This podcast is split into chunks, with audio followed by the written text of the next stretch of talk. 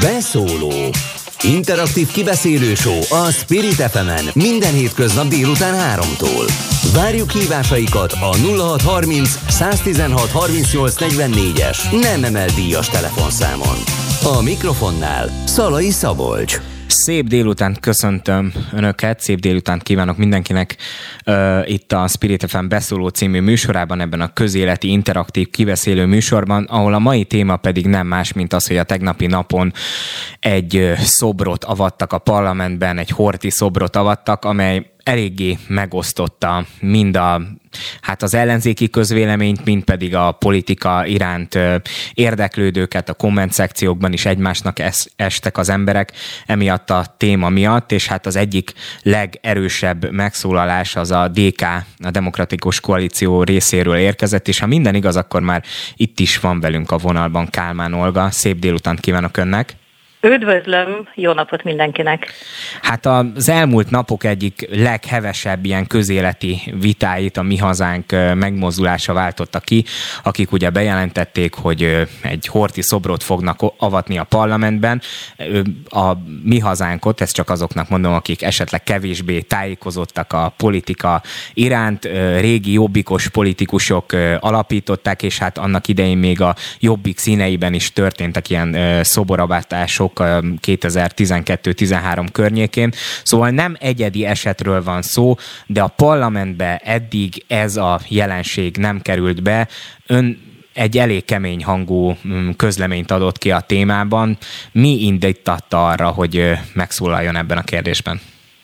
Hát először is, ahogy ön fogalmazott, hogy ez nem egyedi eset, az már önmagában elszomorító. Aztán, ahogy mondta, hogy megosztja a közvéleményt, ez is elszomorító, mert én meg azt gondolom, hogy ez, ezzel a témával, ezzel az eszmerendszerrel, ennek, a, ennek az eszmerendszernek az ápolásával kapcsolatban nincs párdon. Nincs olyan, hogy folytassunk értelmes vitát. Nincs, itt nincs értelmes vita. Ezt pusztán elutasítani lehet. És ha, hogy a parlamentben nem került sor még ilyen ö, akcióra, hát az meg önmagában felháborító, hogy most sor került ilyen akcióra. Ugye itt a hát... dolog érdekessége az, hogy a Fidesz korábban, mert ahogy utaltam is rá, ez már a jobbikos időkben is jellemezte ezt a társaságot, vagy a társaságnak egy részét, hogy vannak ilyen hortival kapcsolatos érzelmeik, amiket mindig ilyen szobrok formájában manifestálják, hogy ilyen szépen fogalmazzak, hogy azért ezektől mindig tudatosan elzárkozott a Fidesz, és most is Kövér László házelnök nem adott engedélyt arra, hogy ugye a... Mire? Mire? arra, hogy a sajtótájékoztatót azon a helyszínen tartsák meg, és hogy a, Igen, a, a tehát, szobrot nem ott megtiltotta. Nem megtiltotta magát. Mert ez lett volna a helyes magatartás? Hát a parlament épülete nem egy magánhelyiség. Az, hogy Dúró Dóra és Novák előd a lakásába, a könyvespolcra pici horti szobrokat vagy nagyobb bacskákat helyez ki, az az ő szívük joga, mélységesen elítélem, ha valaki ennek az eszmének, ennek a ideológiának, ennek a történelmi múltnak áldoz bármiféle emléket, de közöm nincs hozzá, hogy ők hogy élik az életüket.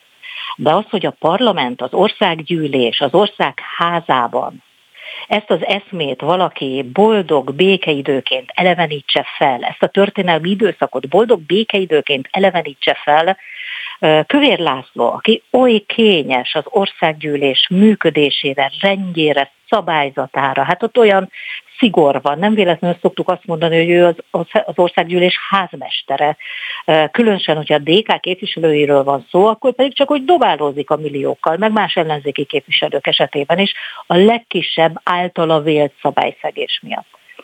Ez esetben egy picit se szúrta a szemét, hogy Magyarországon a szavazók nagy részében érintettség révén is iszonyú emlékeket idéz fel, és iszonyú sebeket tép fel.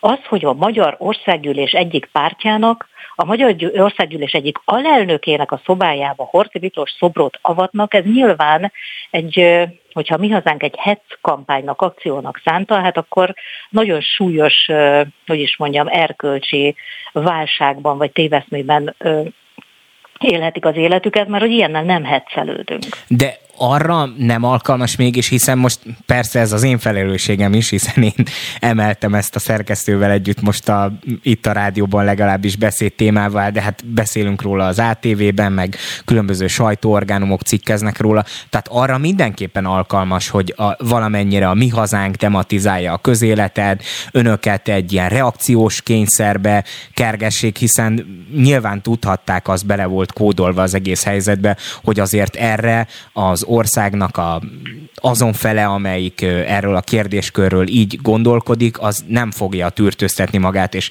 meg fog szólalni ebben a témában, és ez nekik is egy jó terep, ahol tudnak önökkel konfrontálódni. Persze, csak erre mondom azt, hogy normális ember ilyennel nem viccelődik, nem Most egy pillanatra elhallgatott a adásunk, lehet, hogy meg, megszakadt a dolog utána nézünk, hogy mi történt. Leteszem a telefont, és akkor a szerkesztők újra hívják Kálmán Olgát, mert fontos gondolatok maradtak benne a képviselő asszonyban.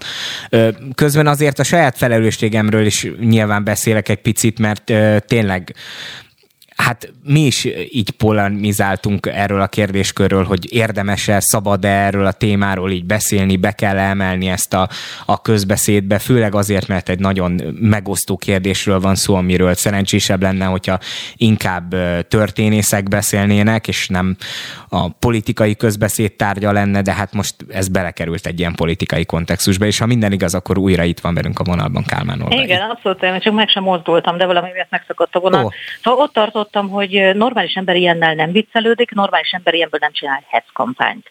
Tehát azért bocsásson már meg a világ, hogyha, hogyha ez a útja a népszerűség növelésének, vagy a hírekbe kerülés, meg ez a lehetőség, akkor még mégis mivel fog viccelődni a mi hazánk? Nem adok neki tippeket, de mégis minek, vagy kinek a szobrát fogják még felavatni a Magyar Országgyűlésben? Csak azért, hogy bekerüljenek a, a hírekbe? Hát, ennél alávalóbb dolgot azért ritkán lát az ember. És bizony tényleg nem tudok, és nem is akarok máshogy fogalmazni. A demokratikus koalíció szerint, aki úgy viselkedik, aki úgy beszél, aki olyan eszméket ápol, ami náci eszméket tartalmaz, hordoz magán, ami náci múlthoz köthető, az maga is náci. Hogyha jól láttam szép, egyébként... Nincs szép beszéd, nincs, nincs kényes uh, új feltartás, és jaj, hát akkor PC módon kell fogalmazni. Nem. Aki ilyet csinál, aki a náci eszméket ápolja, az maga is náci. Ennyi. És az, hogy az ellenzéki pártok közül, hogyha jól láttam, akkor a demokratikus koalíció és a Momentum volt az, amelynek a elnökei vagy vezető politikusai megszólaltak ebben a kérdésben, talán mint hogyha a többi ellenzéki pártnak nem lett volna megszólalása, de hát méltányos leszek velük szemben, hogyha esetleg kiderül, hogy mégis így van, és akkor majd utólag bocsánatot kérek tőlük a nyilvánosságban, de én velük az ő megszólalásaikkal nem nagyon találkoztam. Ön mit tapasztalt? A többi ellenzéki pártban ez nem téma? Ők nem akarták ebben a kérdésben diszponálni magukat?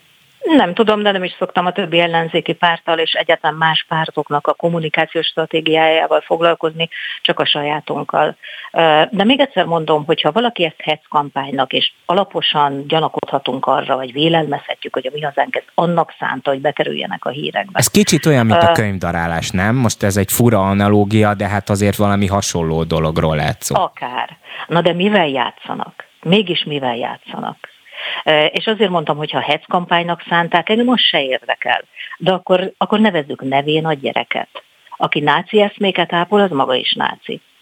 És az, hogy korábban, amikor volt szó a nem tudom, zsidó származású parlamenti képviselők listázásáról, és hát ilyen dolgok is elhangoztak már a Magyarország gyűlésben, te jó ég, tényleg miket elbírtak ezek a falak, hogy akkor azért volt egy nemzeti konszenzus abban, hogy akkor ugye Gyöngyösi Márton jobbikos országgyűlési képviselő szavai miatt volt egy ilyen közös ellenállás, amiben a Fidesz és az ellenzéki pártok közösen álltak ki, és tartottak közös tüntetést.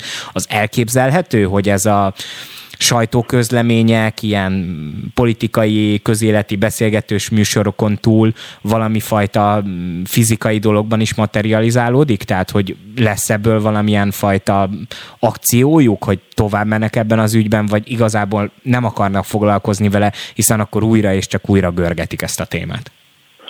Szerintem a demokratikus koalíció ezzel a témát lezárta, ami a mi hazánkat illeti. A mi hazánk ezt megtette, mi pedig elmondtuk a véleményünket. Aki náci eszméket ápol, az maga is náci. És ezt a mondatot tudom még azzal folytatni, meg 500-szor is elismételni, mert ez a lényeg. És hogyha a HEC kampányuk arról szólt, hogy ők kerüljenek a hírekbe, akkor az is kerüljön be a hírekbe, hogy aki náci eszméket ápol, az maga is náci. Kövér Lászlóval kapcsolatban, ahogy kezdtük a beszélgetést, aki annyira, de annyira finnyás a ház rendjére, csendjére és nem tudom miére, hogyha ez nem bántja az ő érzékenységét, morálisan semmiféle aggályt nem okoz az országgyűlés elnökének ez az akció, akkor bizony nem tudunk és nem is akarunk máshogy fogalmazni, mint hogy ezzel a náci mocsokkal, ami, amit a mi hazánk gerjesztett és hozott be a házba, az országgyűlés házába, azzal bizony ezzel a folttal maga az országgyűlés elnöke Kövér László is bemocskolódik azzal, hogy tulajdonképpen nem volt még ennél is határozottabb a kiállása. Mit kellett volna tenni a házelnöknek ön szerint? Nem avattunk Horti szobrot az országgyűlésben. De hát megtiltatja azt, hogy valaki mondjuk a az irodájában milyen szobrot, mert ugye végül szobrot csak a... egy sajtó nyilvános eseményen. Hát, hát oké, okay, csak annyira azért... nehéz szétválasztani a műfajt ilyen szempontból, hogy most ő a dolgozó nem szobájába kiállít nem. egy, hogy erre milyen jogi lehetősége van egyáltalán Miért a akkor a dolgozó szobájába Dúró Dóra rendezhet egy hatalmas nagy ordinári bulit is?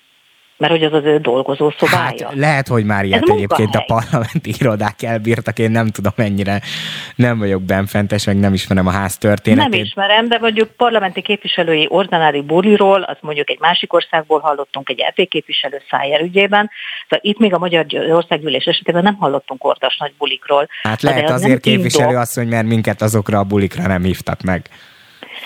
Hát én mondjuk nem szeretnék duró dollával bulizni semmilyen formában, az biztos. De még egyszer mondom, ez egy munkahely, nem is akármilyen. A törvényhozás szentélye, az országgyűlés, és épp elég baj az egész magyar nemzetnek, nem az országgyűlési képviselőknek, hogy ezt a helyet gyakorlatilag egy ilyen, ilyen elsöprő, cunamiszerű törvény gyárrá, ledaráló gyárrá silányította a Fidesz. De ettől ha, ha nem is függetlenül, mert nem függetlenül, mert ezzel összefügg, hogy a Fidesz mit művel az ország házával és az országgyűléssel, inkább azt mondom, hogy pont ezzel kapcsolatos az a megjegyzés, hogy, hogy Kövér László pedig mennyire érzékeny az országgyűlés tiszteletére és a rendjére és, és mindenére, hát ez nem bántotta az ő érzékenységét. Ez nem egy magán lakás és mint hogy ordas nagy bulikat nem rendezünk a, a, a frakció irodán, vagy az országgyűlés alelnökének irodájába, bizony náci eszméknek sem áldozunk az országgyűlés alelnöki irodájában. Nem. Van ilyenkor De... egyébként valami lehetőség arra, hogy esetleg valamilyen nemzetközi fórumon is szóvá tegyék ezt a dolgot? Vannak európai parlamenti képviselői akár a demokratikus koalíciónak, hiszen hát azért ez... Hogyan? Mondjuk el, hogy Kövér László a Magyarországgyűlés elnökének az érzékenységét nem bántja, hogyha valaki náci eszméket ápol a Magyarország gyűlésben. Hát most szerintem akkor, amikor az Európai Uniós pénzek folyósításáról ilyen kiélezett vita zajlik, akkor lehet, hogy ez is ott lehet egy szempontként, hogy az emlékezett politikája a Fidesznek vagy a jobb oldalnak ebben a kérdéskörben mondjuk túlzottan megengedő. Hát vagy inkább Lukacsos, tehát vannak az emlékezett politikájukban vannak lukak, és vannak olyan foltok, amin egy kicsit úgy áttekintenek. Én ezt a tegnapi akciót is egy ilyen luknak, egy ilyen foltnak tek, veszem, hogy ezen úgy átsiklott valahogy Kövér László és a Fidesz tekintete, hogy jó, hát hogyha ezt akarja a mi hazánk, ami egyébként minden porcikájában és minden megnyilatkozásában és viselkedésében a Fidesz zseb, zseppártya, és iszonyú nagy szükségük van egymásra. De hogyha ezt elnéz a Magyarország gyűlés elnök, azért ne gondoljuk azt, hogy ezt a világ nem tudja meg. Ehhez nem, emiatt nem kell nemzetközi fórumokhoz fordulni, én szerintem, hanem egész egyszerűen a Magyarország nem egy nem tudom, a, a Marson lévő kis ország, és vagy eljutnak a hírek innen-oda, vagy sem, azért ezekről az eseményekről nyilván a világ értesül. És nyilván az ilyen és ehhez hasonló események és Fidesz mentalitás és Fidesz viselkedési mód miatt nincs túl jó híre a magyar kormánynak, és ezáltal Magyarországnak külföldön. Ezt sajnos tudjuk. Én sem nyilván azért mondtam ezt a dolgot, mert bújtogatni akarom önöket, hogy akkor különböző nemzetközi fórumokon jelentsék fel őket, csak szerintem azért tényleg ez egy nehéz, morálisan nehezen megítélhető dolog ilyen szempontból, mert tulajdonképpen ez valahol én megértem, hogy a politikusokban van egy ilyen ösztönös reakció, hogy az ilyen dolgokra reagálni kell, de ugye vannak olyan érrendszerek is, hogy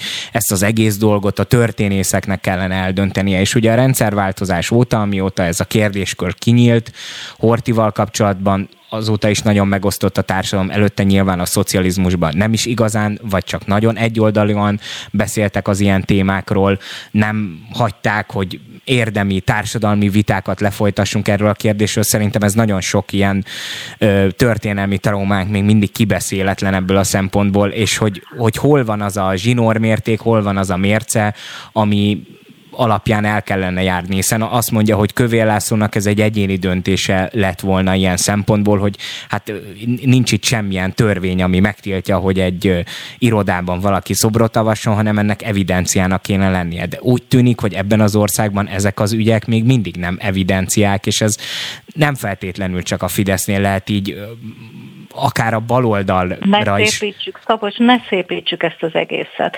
Mindaz, amit mondott, abban igaza van. Számtalan történelmi esemény, kibeszéletlen maradt, és számtalan történelmi eseménynek a kibeszélése valóban történészekre tartozik. A társadalom becsatlakoztatásával lehet társadalmi, az ország normális, normálisabbik felén társadalmi vitákat is folytatnak. Nálunk ezt is megölte a Fidesz minden szintére, ez is társadalmi vita. Vannak a mi zsebkutatóink, majd azok megmondják, hogyan értékeljék a magyarok a történelmet, mondja a Fidesz, tehát idézetként szántam ezt a vagy személyrakozást. Szóval mindenben igaza van, hogy van egy csomó dolog, amit nem beszéltünk ki, amit történészeknek kellene, de ez nem erről szól. Az egész egyszerűen nem erről szól. Arról szól, hogy a Fidesz szemet huny a kis zsebpártjuknak, a mi hazánknak. És hogyha ők horti szobrot akarnak az országgyűlésben adni, hát akkor az országgyűlés elnöke ezt megengedi nekik. Kíváncsi vagyok, hogyha bármelyik másik párt, egy demokratikus ellenzéki párt nem horti szobrot, mert nyilván ilyen normális embernek nem jut az eszébe. Ezzel akartam valamilyen tovább folytatni, szobrot. hogy nem tudom, valamilyen baloldali olyan, aki a tanácsköztársaságban részt vett, ha valakinek ilyen eszébe jutna mondjuk a baloldalon, hogy akár neki szobrot avassanak, akkor biztos óriási balhé lenne belőle. Tanácsköztársaság, hát, hát csak gondoljunk bele, hogy mit műveltek, akár a Nagy Imre szoborral, akár József Attila szobrával, tehát, hogy a, a Hordula sétányból is volt már egy kis vita azért, úgy éreztem, egy kis lögdösödés. Igen. Na de mondom, ez, ennek nincs köze a történelmi kibeszéléshez, vagy ki nem beszéléshez. Ennek egészen egyszerűen ahhoz, a tőmondathoz van köze, vagy már majdnem összetett mondathoz, hogy aki náci eszméket ápol, az náci. És folytathatjuk valóban a mondatot, hogyha ez nem csipi a szemét az országgyűlés elnökének, akkor minimum szégyelje magát. Még egy kicsit beszélgessünk arról, hogy történt már ilyen korábban, ezzel kezdtük az adást. Ugye 2000 talán 13-ban volt, amikor avatták az első ilyen horti szobrot a fővárosban, ami akkor nagyon heves tiltakozásokat váltott ki ugye a Szabadság téren. Milyen érdekes, hogy itt is a Szabadság téren történt egy ilyen dolog, ugye ott Horti Miklós melszobrát állították fel a hazatérés temploma előtt. Nagyon komoly ellentüntetés volt, nagyon komoly viták, ön akkor még újságírói szemmel követte végig ezeket a fejleményeket. Most én ezeket a hangokat annyira nem hallom. Mi történt? Tehát az elmúlt években ez a horti ügy lecsengett, egy kicsit elfogadottábbá vált a téma, hogy nincs, vagy, vagy ez még a nyári uborka szezonhoz van közel, tehát itt tulajdonképpen miért alakulhatott úgy, hogy 2013-ban ez egy nagyon ö, forró téma volt a nyilvánosságban, és most meg egy kicsit úgy érzem, hogy hát persze mi is itt beszélünk róla, meg egyesére bekerül a televízióba, de aztán lapozunk tovább. Nem tudom, tényleg őszintén mondom, nem tudom. Tehát az, hogy bizonyos évek múltán, vagy pár év múltán egy-egy téma mennyire viszi át az inger küszöböt, mennyire érzékeny rá a társadalom, hogy éppen mind múlik, nem tudom. Az biztos, hogy Magyarországnak most számtalan gondja van, és a magyar társadalomnak is számtalan gondja van. De készül arra, hogy úristen, következő hónapban miből fogom kifizetni a rezsit, aztán télen miből.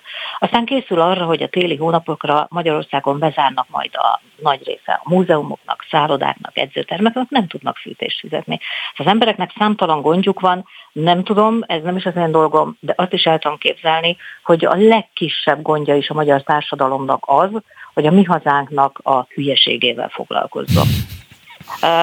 Ettől függetlenül én is azt gondolom, hogy most itt tömegmegmozdulásokat, és nem tudom mit, biztos, hogy én se javasolnám azt a saját pártomnak, hogy most menjünk ki, és tüntessünk a mi hazánk ellen. Nincs értelme, mert hogy ők kezdetettől fogva úgy viselkednek, mint amik és amilyenek és én nem gondolom, hogy fel kellene őket emelnünk arra, hogy mi velük foglalkozunk. Mi sokkal inkább azzal foglalkozunk, hogy, hogy a, a DK vezette önkormányzatok hogyan tudnak például segíteni a, a kerületben vagy a városban élőknek, a rezsitámogatással, az iskolakezdéssel. Van dolgunk épp elég, mint hogy azzal foglalkozzunk, hogy náci eszméket ápol egy parlamenti párt az országgyűlés alelnökének az irodájában. Náci eszméket ápol? Náci kimondtam tízszer, legalább 15-ször. Igen, szerintem most már ez mindenképp beégett a hallgatók fülébe, de én az, az, azt gondolom, hogy a hallgatóinkat azért ebben a kérdésben nem is kell annyira edukálni, mert szerintem hasonló állásponton vannak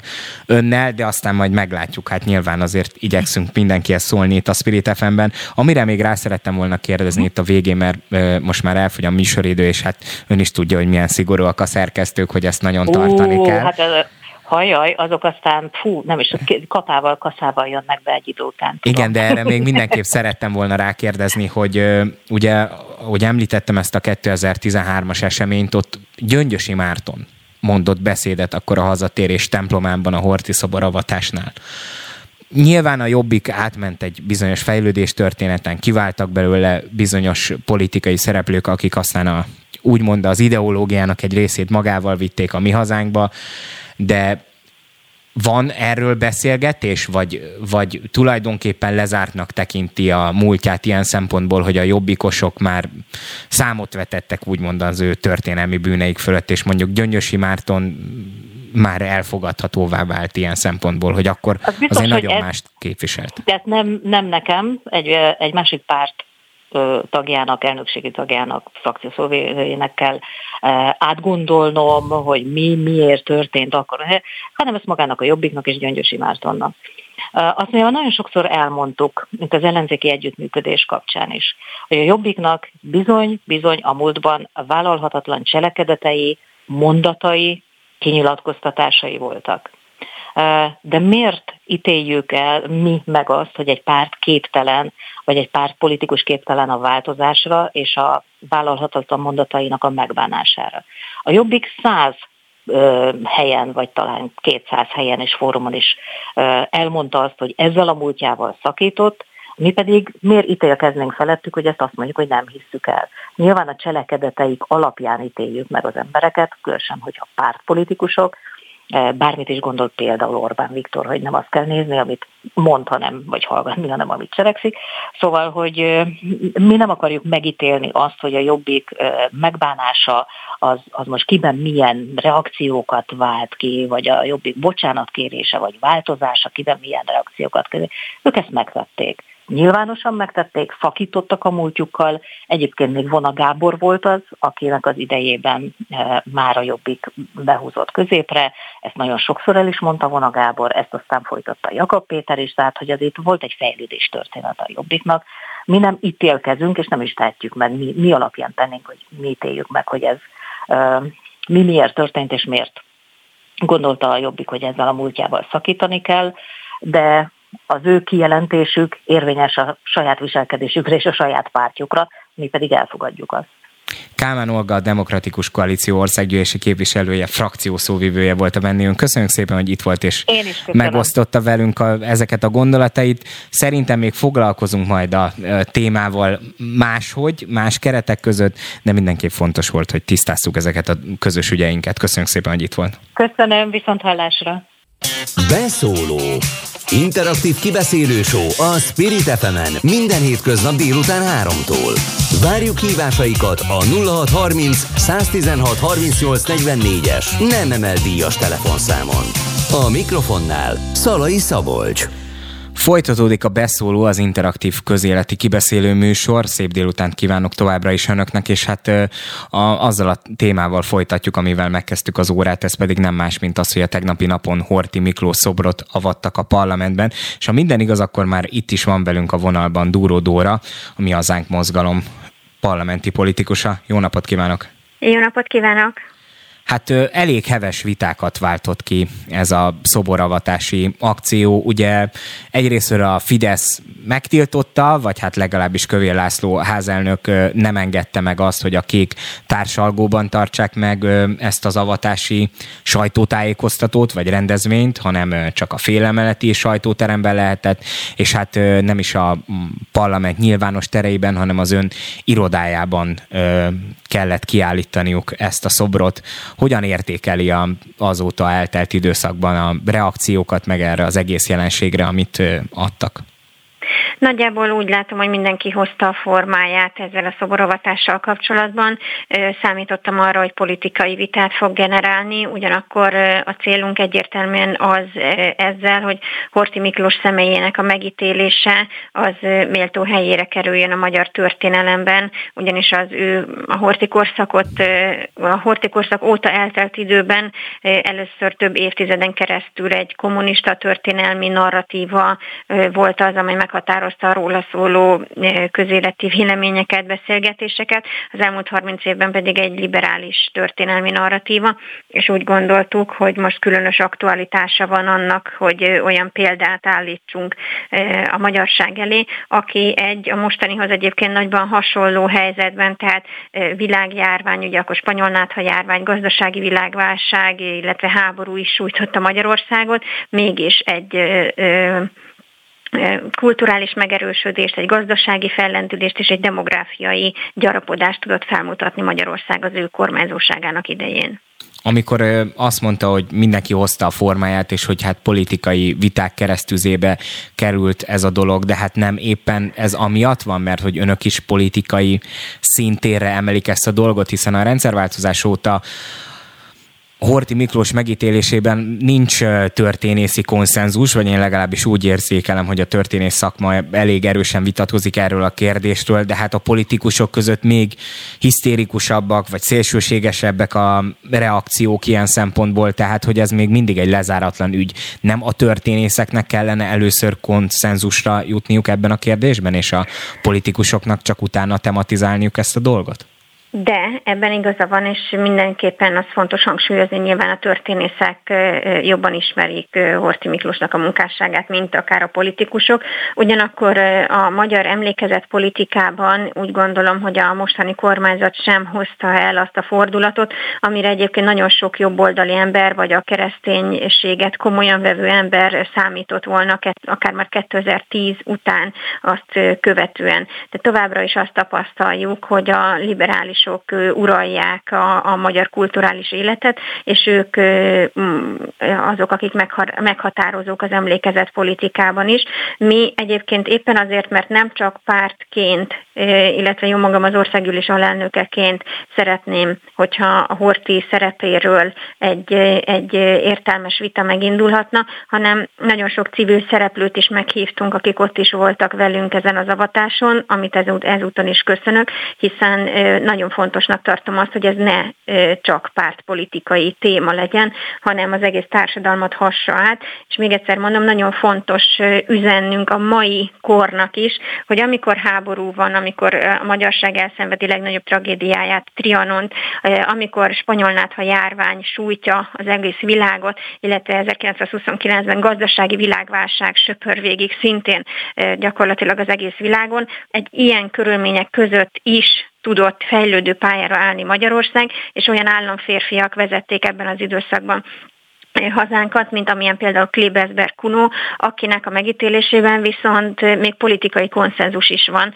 amennyire én észrevettem, hogy ő egy rendkívül pozitív személyisége a magyar oktatáspolitika történetének, tehát számos olyan értéke van a hortikorszaknak, amelyre érdemes odafigyelnünk. De az, hogy például nem tudom, a, a zsidó deportálások ügyében, a, ha már az érintettek nem is élnek, de a leszármazottjaik ott vannak, és az ő érzékenységüket ez sérti, ez önökben fel sem vetődik, hogy azért az ő, ő szerepe ilyen szempontból mindenképpen még ha a történészek konszenzusra is jutnak, de ez sok emberben érzelmileg valami olyan dolgot okoz, ami mondjuk nem szerencsés, hogy egyáltalán tematizálják ezt a kérdést, tehát hogy azért Horti Miklós nem csak egy politikus volt, aki egy válságidőszakban valamilyen fajta reményt felcsillantott akkor az ország lakosságának, hanem hogy a kezéhez, ha nem is konkrétan az ő döntései miatt, de vér tapad, és ez, ez megosztja az embereket, vagy egy részükben félelmet vagy fájdalmat kelt, akkor, akkor nem kellene inkább hagyni ezeket a dolgokat? Éppen tegnap olvastam szintén reakcióként egy történésznek a tollából, hogy, hogy az akkor élt zsidóság körében sokkal pozitívabb volt egyébként Horti Miklósnak a megítélése, mint a, akár a ma élő zsidóság körében. Ugyanakkor az fontos hangsúlyozni, hogy a mi szándékunk, és ezt mutatja az időpontnak a megválasztása is, tehát hogy augusztus 30-án a második bécsi döntésnek a az évfordulóján állítottuk ezt a szobrot, és nyújtottunk be egy határozati javaslatot, amely ezt a hazatérés napjává nyilvánítaná hivatalosan is, hiszen ugye Észak-Erdély visszakerült Magyarországhoz. Tehát mi elsősorban, ha már a mának szóló üzeneteknél tartunk, például a határon túli magyaroknak kifejezetten szerettünk volna üzenni, ugyanis 2022-ben ők azok, akiket mind egyéni, mind kollektív jogaik szempontjából jogtalanság, jogfosztott ér, nem pedig a hazai zsidóság, tehát a mi gondolkodásunknak a középpontjában sokkal inkább voltak a határon túli magyar nemzettestvéreink, akiknek például azt is el kellett szenvedniük néhány éve még, hogy Szlovákia be akarta tiltani a magyar himnuszt. Tehát, hogyha arról beszélünk, hogy milyen problémák vannak ma, és kinek tudunk üzenetet megfogalmazni, akkor sokkal inkább aktuális az, hogy a határon túli magyarokról beszéljünk, és e tekintetben az ő jogaiknak a jogaikért való harcolásban szintén Horti Miklósnak rendkívül nagy szerepe volt. Igen, de például ön is mondta ezt, hogy a hálás zsidóság, hát ezzel kapcsolatban a Magyar Zsidó Hitszövetségnek az elnöke, ugye, vagy hitközség elnöke Heizler Árpád reagált erre a kijelentése, és ő azt mondta, hogy hát ez egy ocsmány cinizmus, mert hogy azért a hazai zsidóság 75%-a nem lehet túl hálás Horti Miklósnak, hiszen ők meghaltak a második világháborúban.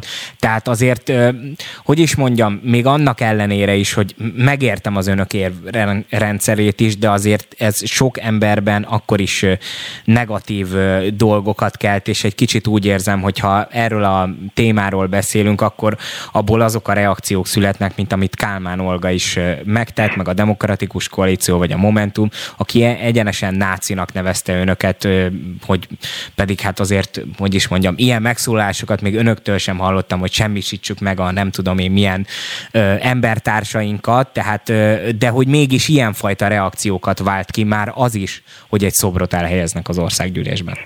Az, hogy valaki egy közleményben, nevezetesen a Demokratikus Koalíció hétszer is leírja azt a szót, hogy náci Horti kapcsán, azzal szerintem saját magukat minősítik, és azért én semmiképpen, és a mi hazánk mozgalom semmiképpen nem felelős, hogy a mi egy akciónkra hogyan reagál egy másik párt, azért kizárólag ők a felelősek.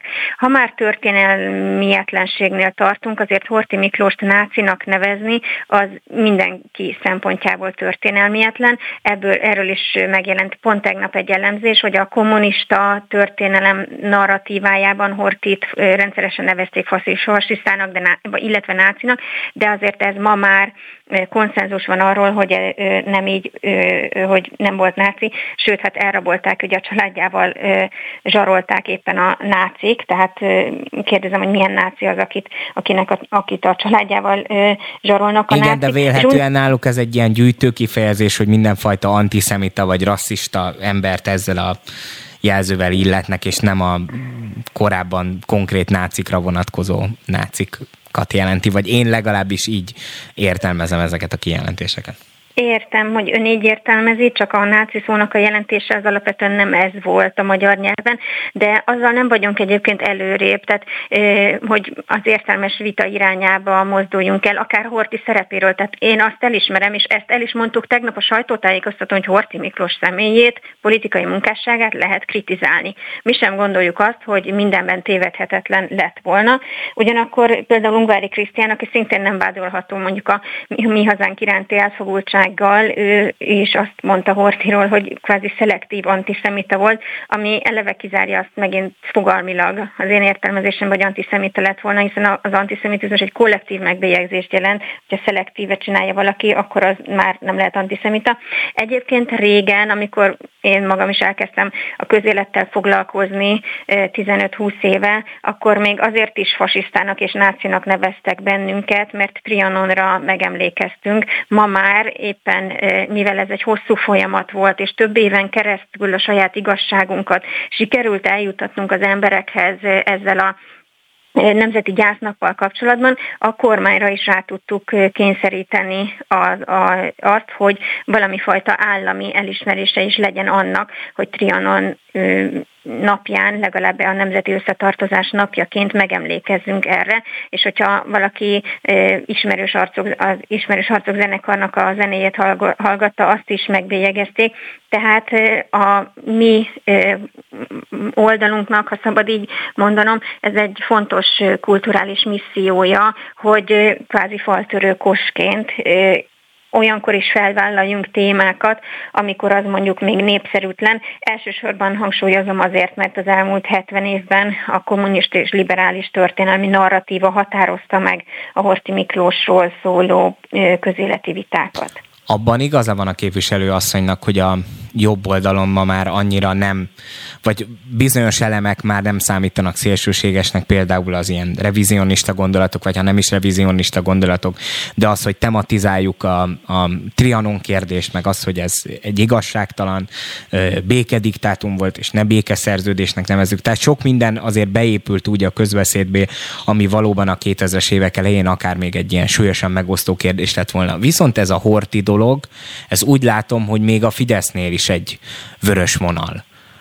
Miért lehet az, hogy önöknél ez egy fontos kérdés, viszont a Fideszben, bár ugye Orbán Viktor is bizonyos kontextusban hát államférfinak nevezte Horti Miklós, de azért az ilyen szoboravatásokhoz a Fidesz nem adja a nevét, nem csinál ilyeneket, és ebben a Horti kultuszban azért nem, nem nincsenek igazán egy állásponton, ahogy én észrevettem.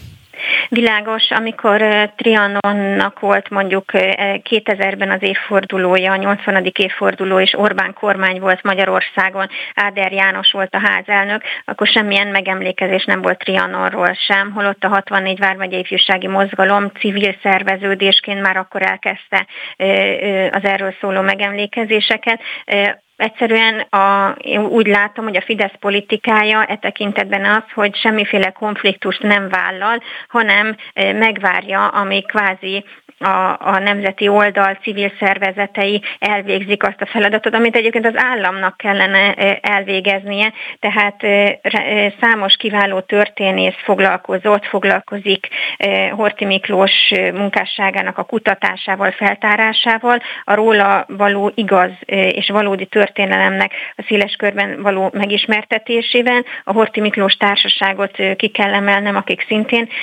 nagyon magas színvonalú munkát végeznek e tekintetben, és az állam pedig nem áll emellé a kezdeményezés mellé, hanem ezeknek a civileknek kell úgymond elérnie azt, hogy Horti Miklósról alkotott társadalmi kép megváltozon, és amikor már ennek úgy látja a Fidesz, hogy többsége van, akkor majd szépen beül a kézbe ezt csinálta egyébként a Trianon kapcsán is, illetve a, a határon túli magyarok állampolgársága kapcsán is. De emlékezhetünk rá, hogy 2004. december 5-én volt a kettős állampolgárságról szóló népszavazás, és a Fidesz 2010 után került kormányra, és akkor állt igazán emellé az ügy mellé, és ugye egyáltalán a határon túli magyarok mellé, és az, az alatt a hosszú hat év alatt bizony nagyon sokat változott a közgondolkodás ebben a kérdésben is. Még az MSZP-ből is voltak olyan politikusok, akik belátták, hogy akkor hiba volt a határon túli magyarok, magyar állampolgársága ellen kampányolniuk. Tehát ezek a társadalmi folyamatok elsősorban civil nyomásra a civilek munkájának köszönhetően le fognak zajlani, vagy hát reméljük, hogy lezajlanak Horti Miklós megítélése kapcsán is, és ezt követően fog a Fidesz várhatóan élére állni ennek. Ugye ők az ő politikájukat sokkal kevésbé az értékek, semmint a közvéleménykutatások határozzák meg, tehát hogyha azt látják majd, hogy ennek többsége van, akkor majd ők is mellé fognak állni. Ugye, amikor 2013-ban a Szabadságtéren már volt egy ilyen horti szoboravatás, akkor ö, elég komoly csetepaté lett belőle, ellentüntetés is volt. Ezt megkérdeztem Kálmán Olgától is az előző fél óra végén, hogy mi az oka annak, hogy tulajdonképpen most a parlamenti közleményeken túl azért olyan heves tiltakozás nem lát az ember. Persze a különböző megjelent cikkek alatt elindultak pro és kontra a Facebook kommentelő viták, de hogy olyan fajta ellenállásban most nem ütköztek. Ez azért van, mert az elmúlt években, közel tíz évben azért a Hortiról alkotott kép, még akkor is, hogyha azt mondják, hogy a Fidesz ebben a kérdésben nem diszponálja magát elég erőteljesen, de megváltozott a társadalomnak a közgondolkodása, a Hortiról alkotott képe? Valamennyit biztosan változott, hiszen az ő, ő megítélésének a, a megváltozásáért folytatott munka az nem most kezdődött, és mi, a mi hazánk is már több felvonulást is tartottunk a kormányzóvá választásának az idején, a Budapestre történt bevonulásának a, az évfordulóján, tehát mi is igyekeztünk hozzájárulni ahhoz, hogy ez megváltozzon, de az elmúlt években, évtizedekben több civil kezdeményezés is volt, illetve egyébként közterületen is áll Horti Miklósnak szobra a Csókakői várnál, vagy éppen Kereki községében, tehát egyre több olyan közéleti szereplő van, aki szintén felvállalja, bár civil oldalról, de felvállalja azt, hogy Horti Miklós megítélését igenis meg kell változtatni, és kvázi példaként szolgálhat az a gazdasági csoda, gazdasági fejlődés, kulturális fellendülés, amely a követő évtizedekben Magyarországot jellemezte.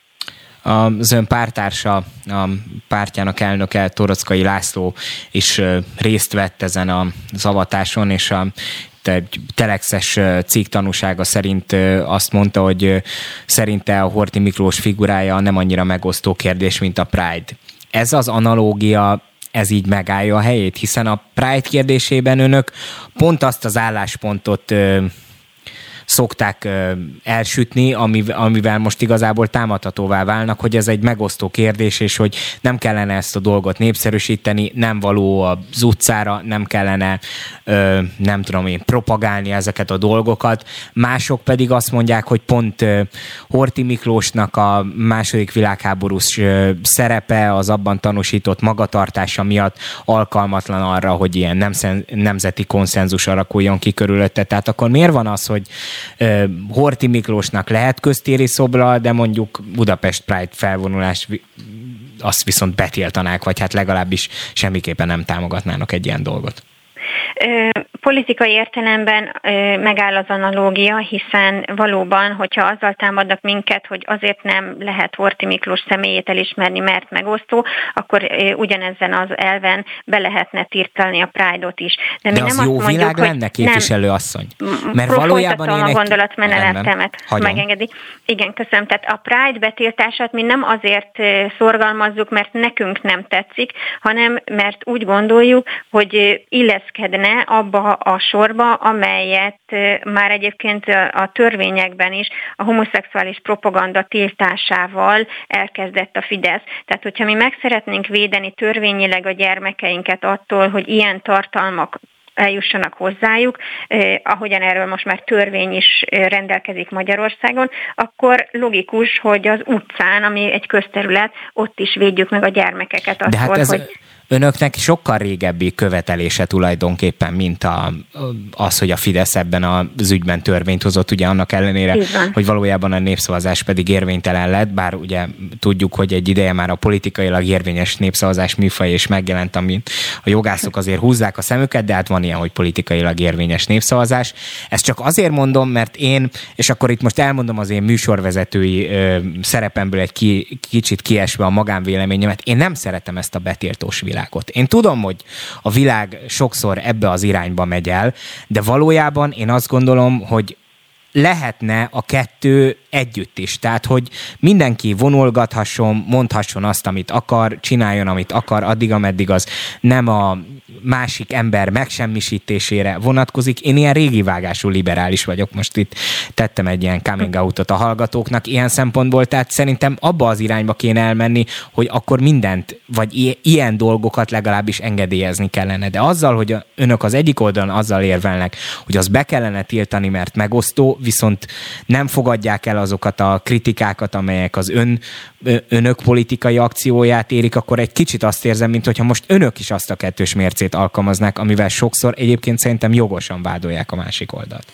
Értem, hogy amit mond, és egyet is értek nagyon sok mindenben, de még egyszer hangsúlyozom, hogy a Pride-ot mi nem azért szeretnénk betiltani, mert megosztó, hanem a Pride betiltása abban a logikába illeszkedik, amely a gyermekvédelemről szól. És ilyen értelemben lehet bármi megosztó, felőlem is, nyugodtan mondhat bárki bármit, hogyha az nem mondjuk gyermekek sérelmét jelenti. És a Pride e, tekintetben, de hát igyekszem a Pride esetében eltekinteni attól, hogy nekem is személy szerint ízlésem ellen való, hanem kizárólag a gyermekvédelmi szempont az, amely erősebb az én megítélésem szerint a Pride vonatkozásában. Az, hogy politikailag megosztó e, embereknek lehet szobra, az, az teljesen belefér egyébként számomra is.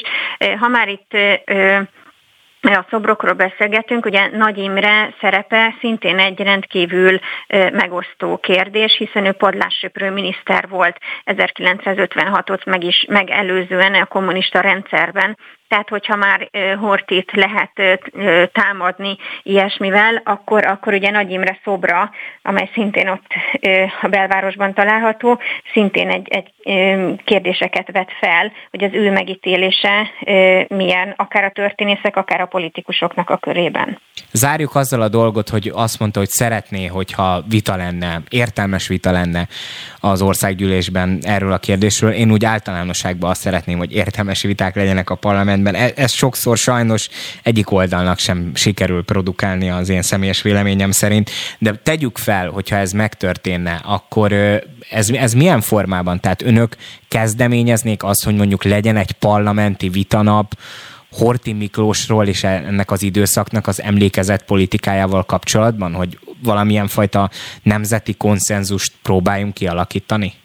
Hát ha nem is parlamenti vitanap, de például a felsőházban lehetne egy konferencia, akár történészeknek a részvételével ennek az időszaknak a megítéléséről, illetve mi be is nyújtottunk egy határozati javaslatot a tegnapi napon, éppen arról, hogy a hazatérés napja legyen a második bécsi döntésnek az évfordulója. Ez már egy jó alap, erről lesz egy bizottságban már egy vita, tehát ez már egy jó alap arra vonatkozóan, hogy Horti Miklós szerepéről is folyjon legalább bizottsági szinten vita az országgyűlésben kérdésben, de mi természetesen nyitottak vagyunk a kezdeményezésekre, bármilyen parlamenti formában szívesen részt veszünk, akár Hortiról, akár másról a vitákon mert azzal, azzal nem vagyunk előrébb, hogyha csak nácizzuk a másikat, de egyébként a vitákon pedig nem veszünk részt a, én is a vitáknak a híve vagyok. Önnek korábban is voltak már olyan politikai akciói, ami azért elég rendesen kiverte a biztosítékot sokaknál, és heves politikai vitákat generált. Ilyen volt például a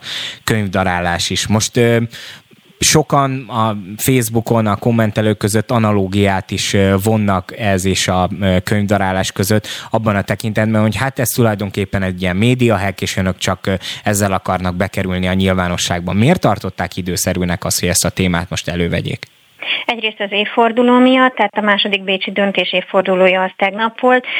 A könyvdarálás kapcsán is azért azt el kell mondanom, hogy a könyvdarálást megelőzően nagyjából másfél évvel én nyújtottam be ugyanolyan témában határozati javaslatot az országgyűlésnek. Elmentem a bizottsági ülésre, és utána tartottam egy sajtótájékoztatót, a sajtótájékoztatómra senki nem jött el, tehát ilyen értelemben semmelyik választóhoz kvázi nem tudtam eljutatni az üzenetemet. A könyvdarálás sem provokációnak szántam, ugyanakkor meggyőződésem, hogyha nincs a könyvdarálás és az azt követő óriási társadalmi vita, amely valóban szintén heves érzelmeket és reakciókat váltott ki, de mégiscsak lett egy olyan alkotmánymódosítás a vége az egész történetnek, amely szerint az anya nő, az apa férfi.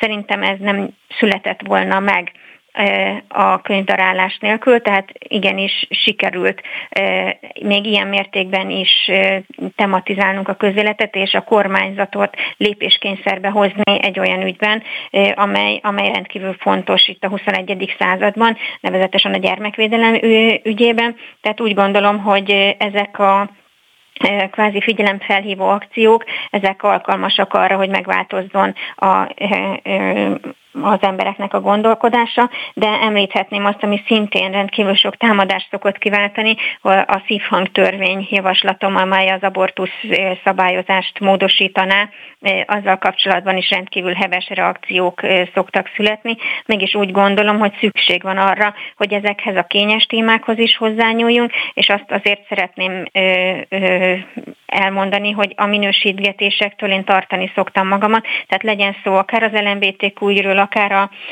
az abortusz kérdéséről, akár Horti megítéléséről. Én igyekszem észérveket, valós tényeket a vitába behozni, nem pedig minősítgetem a, a vita partneremet, és megsemmisíteni próbálom.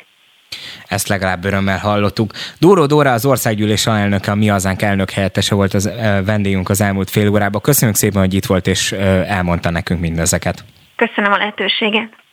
Beszóló Interaktív kibeszélő show a Spirit fm minden hétköznap délután 3-tól. Várjuk hívásaikat a 0630 116 38 44-es nem emel díjas telefonszámon. A mikrofonnál Szalai Szabolcs. Szép délután kívánok Önöknek, folytatódik a beszóló az interaktív közéleti műsor itt a Spirit fm és hát a, a Mi Hazánk tegnapi Horti szobor avatása kapcsán beszélgetünk. Ugye a műsor első órájában két politikusi megszólalónk volt, az egyik oldalon ott volt Kálmán Olga, a Demokratikus Koalíció frakciójának szóvivője, a másik oldalon pedig ott volt Dúró Dóra, az országgyűlés alelnöke, a Mi Hazánk mozgalom elnök helyettese. Ők elmondták a politikai véleményüket ebben a témában, és hogyha minden igaz, akkor már itt van velünk a vonalban Balogh Gábor újságíró. Szia! Szervusz! Köszöntöm a hallgatókat. Mi természetesen, mivel kollégák vagyunk, azért tegeződni fogunk egymással a politikusokkal. Ez a fajta nexusom nincs meg, de veled ezt a luxus megtehetjük.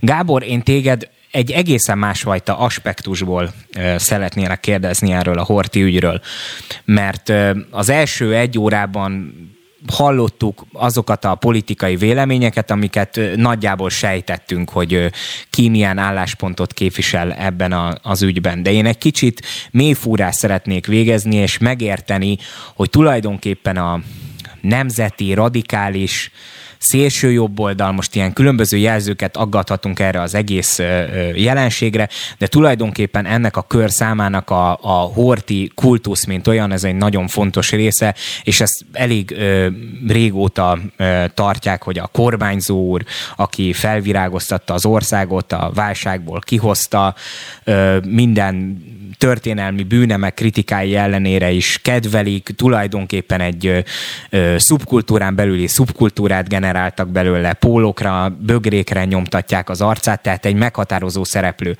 Most itt nem történészi ö, magasságokba szeretnék emelkedni veled, majd itt lesz Gerő András tanár úr is. Inkább az érdekelne, hogy neked mik voltak így a személyes tapasztalataid ezzel az egész világgal kapcsolatban, hogy a Horti Miklós az hol helyezkedik el ebben a dimenzióban? Ki ő? azt gondolom, hát tulajdonképpen, ha, ha ezt most megpróbáljuk racionálisan elemezni, tehát mondjuk most nem, nem belemenni a, a, a, a morális kérdésnek, vagy borzasztóan bonyolultak. Valójában, ha belegondolunk, akkor igazából Horti Miklós az a 20. században az utolsó ö, szilárd ö, jobboldali mm, kapaszkodó pont a, a magyar történelemben. Na most erre persze mondhatjuk azt, hogy, hogy hát igen, ez sokat el is mond a magyar jobboldaliságnak a hányattatott sorsáról. Tehát azért az, az nyilvánvaló, hogy azt tényleg nem kell történelem találnak lenni, hogy lássuk a horti korszaknak a számtalan ellentmondását és árnyoldalait is, de azt is azért érdemes látni, hogy a magyar konzervativizmusban nem csak a radikális jobb szerintem, hanem általában a középtől jobbra van, ha nem is hortikultusz, de hortinak valamilyen respektje, és nyilván, ahogy megyünk ki jobb oldalra, vagy radikális jobb oldalra, ez a respekt egyre nagyobb, majd amikor kiírunk a szélső jobb oldalra, akkor már messze nem olyan. Itt ennek a legsütött Horti Miklós volt az, aki 1944 október 15-én ugye a, a, a kiugrást megpróbálta levezényelni, és mondjuk ez egy, ez a, az egy, egy szélső jobboldali számára azért árulás. De ha, tehát ha azt tekintjük, hogy mi történt Horti országlása után, amikor az ország elveszi a szuverenitását, utána jön 40 év szélső baloldali diktatúra, szerintem nem olyan nagy csoda az, hogy a magyar jobboldalon van valamiféle respektje és bizonyos körökben kultusza is Hortinak, szerintem ez Közép-Európában nem is egyedülálló. Tehát ott van Pilducki Marsal a, a, a lengyeleknél, lehetne sorolni a balti országokban, majdnem mindenhol volt egy-egy ilyen erős vezető. Nekik a mai napig van bizonyos kultuszuk, ott is nyilván a, a történész szakma lefolytatja maga vitáit, és aki, aki ezt mélyebben ismeri ezt a korszakot, az ott is tisztában van az ellenmondásokkal, meg árnyoldalakkal. De hát a tömeglélekben azért az nem olyan, hogy, hogy nagyon összetett kérdéseket lehessen megvitatni. Különösen nem Közép-Európában vagy Magyarországon, ahol azért 1989 előtt erről érdemben semmit nem lehetett beszélni, tehát itt gyakorlatilag volt egy, volt egy pártállami álláspont, ami mondjuk a 60-as évek végétől finomodott, akkor már Horti nem volt annyira fasiszta, csak egy picit, de a hivatalos, a diktatúrának volt egy hivatalos álláspontja ezzel kapcsolatban. Hát aztán 90 után meg, meg rászabadult erre a társadalomra a szabadság, hogy hogy hirtelen lehetett volna mit kezdeni ezzel, lehetett volna beszélni erről, csak, csak a társadalom jelentős része egyszerűen elveszítette azt a képességét, hogy tudjon erről beszélni. És hát a mai napig látjuk, hogy, hogy igazán racionális vita vagy, vagy párbeszéd nem zajlik. Ugye az egyik oldalon elhangzik az, hogy aki nem tudom, Hortival kapcsolatban politik, politikai szempontból pozitívan nyilatkozik, tehát nem mint egyszerűen, mint történelmi személyiség, mint a második világháborúban viselt szerepe, hanem tulajdonképpen mint a kormányzó úr, mint az, aki tényleg egy ilyen jobboldali, nemzeti, konzervatív, pozitív figuraként emlékezik meg rá. Azt egyből ugye nácinak, fasisztának, mindenfajta jelzővel teleaggatják, van ez a fajta álláspont. A másik pedig pedig szintén egy kicsit szélsőséges álláspont, mert ott pedig ez a, az ilyen mindenfajta kritikák nélküli megszólalások vannak, és tényleg egy ilyen kultuszemelés van. Ennek léteznek árnyalatai, mint ahogy mondod is, hogy minél jobban jobbra megy az ember, annál egy ilyen szempontból egy megosztó figura, pont a kiugrási kísérlet és az egyéb dolgok miatt? Tehát azért hát, a, a jobb oldalon belül van, van erről valamilyen fajta érdemi vita, vagy volt a rendszerváltozás után valamilyen érdemi vita? Hát erről nem, hogy a jobb oldalon belül, hanem az egész országon vagy nemzeten belül sem volt szerintem érdemi vita, legfeljebb vagdalkozás mindkét oldalról, meg ilyen traumatizált értelmiségi hisztéria. De egyébként az, hogy a jobb oldalon belül ez, ez, ez ö, ö, egy tagolt dolog, vagy egy, vagy egy differenciált dolog, az teljesen egyértelmű. Tehát én erre mondtam, hogy, hogy általában szerintem a középtől jobbra állóknak azért valamilyen respektje, vagy legalábbis a nagyon elítélő baloldali álláspontnak a vitatása azért az általában azért az jellemző. És én erre, erre mondtam az előbb, hogy a, hogy a, hogy a radikális jobb oldalon van egy kifejezett horti kultusz, ami tulajdonképpen egy egyben átveszi a két világháború közötti hivatalos propagandát, a, a kormányzónak a kultuszát, és azt egy az egyben átemeli a jelenbe, vagy, vagy, vagy úgy, úgy tesz, úgy, úgy gondolkodik erről, mint hogyha az akkori hivatalos állami propaganda az maga a valóság lett volna. És hát, és hát egyébként ha az ember mondjuk fölkeres azért különféle szélső jobboldali portálokat, vagy, vagy, vagy különféle ilyen közösségi csoportokat, akkor azt látja, hogy azért ott Horti október 15-e és azt követő, vagy már a német megszállás követő hozzáállását a tárolásnak tekintik. Hát aki, aki pungarista hát, vagy, igen, vagy tehát aki mondjuk a szálasi kormányt is támogatja, vagy azt mondta, hogy az milyen jó dolog volt, amit a nyilasok műveltek Magyarországon, annak nyilván már egy horti és egy ilyen gyengekező, nem tudom én valakinek számít. Nagyon érdekes szerintem az, hogy mert tényleg azt érzem, hogy a jobb oldal is tagolt ebben. Ugye ebben valahol elhelyezkedik ebben a nagyon ilyen szélső jobboldali szubkultúra, ezt még sokszor a mi hazánkra sem sütném rá, mert ezek szerintem olyan ö, csoportok, amik ö, ilyen szervezeti formában nem is ö, gyűlnek össze, vagy ö, nem valamilyen égisz alatt működnek. Na, vagy ha összegyűlnek, akkor nem foglalkoznak politikával, mert, mert, mert hát azért itt, itt gondoljuk csak bele, hogy sok esetben tiltott önkényelmi jelképek kerülnek elő, meg, meg olyan eszmék, amiket gyakorlatilag egy, egy, egy több demokráciában jóformán lehetetlen képviselni. Tehát a 90-es évek elején voltak ilyen kísérletek, hogy valakik létrehoztak kifejezett per definíció, nem hungarista, meg, meg, meg, meg, meg náci pártokat. Ezeket aztán felszámolták, betiltották, vagy, vagy az érdektelenség tudattak. Tehát ennek azért tömegbázisa nincs. Igen, Csak tehát azért említettem, va- va- hogy van egy érdekessége ennek, hogy a legszélén a jobb oldalnak már nem igazán volt igen, és aztán van a mi hazánk, ami, ami valahol politikai képviseletet ad ezeknek a szereplőknek, akik ebben a hortikultuszban viszont hisznek, és ott van a Fidesz, ami ilyen szempontból egy elég hibrid képződmény a, ebben az emlékezett politikai cselekvésben, legalábbis így tűnik ki nekem, hogy azért amikor voltak ilyen szoboravatások, akár 2013-ban, és majd beszélünk arról a konkrét ügyről is, mert nagyon kíváncsi vagyok abban is a véleményedre, de hogy például akkor sem, és azóta sem azért ilyen a hivatalos emlékezetpolitikába, vagy kultúrpolitikába azért nem emelik bele. Persze megvannak azok a inkább Fidesz-szel szimpatizáló történészek, különböző beszélőfejek, akik a kormánypárti nyilvánosságban megszólalnak, diszponálják magukat Horti ügyben. Ott volt Orbán Viktor miniszterelnök is beszélt arról, hogy Horti Miklós egy államférfinak tartja, de például az ilyen szoboravatásokhoz nem adják a nevüket, ebben proaktívan nem vesznek részt. Most is ugye az történt, hogy Kövér László házelnök megtiltotta azt, hogy a kék társalgóban tartsák meg a mi hazánkosok ezt a fajta hát rendezvényeket. Igen, ez a, igen, ez a, egyébként, ha, ha most nézzük a, ebben a szereplőknek a mozgását ebben a mostani történetben, akkor azt is látjuk, nagyon jó kirajzolódik más tekintetben is az, hogy, hogy ki milyen szerepet akar fölvállalni a magyar politikában, vagy milyen, milyen ö, ö, öndefiníciója van. Hát ott ugye a, a mi hazánk ebben a, a nemzet lelki ismeretét játsza, azokat, akik fölvállalják Horthy Miklós kultuszát, akkor is, hogy a hivatalos politika nem támogatja. Ugye ők nem véletlen szerintem az sem, hogy a, a társalgóban, a parlamenti társalgójában, tehát a nyilvánosabb helyen akarták felállítani, meggyőződésem szerint pontosan tudták, hogy ez nem fog sikerülni. Ö, ö, aztán ugye végül a, a Dúró Dóra az országgyűlés egyik alelnökének a irodájában állít, állították föl úgy, hogy az valójában egyáltalán nem volna nyilvános esemény, vagy, vagy egy nyilvánosságot igénylő tény hogy egy valaki a saját dolgozó szobájában milyen szobrokat tárol. Csinálhatott volna látja. egy képet róla, és kiteheti a Facebook meg, oldalán. Meg az, így van, így van, viszont tartottak róla egy sajtótájékoztatót. Egyébként ez tulajdonképpen egy, egy profi média hack is volt. És a Fidesz is eljátszotta a maga szerepét.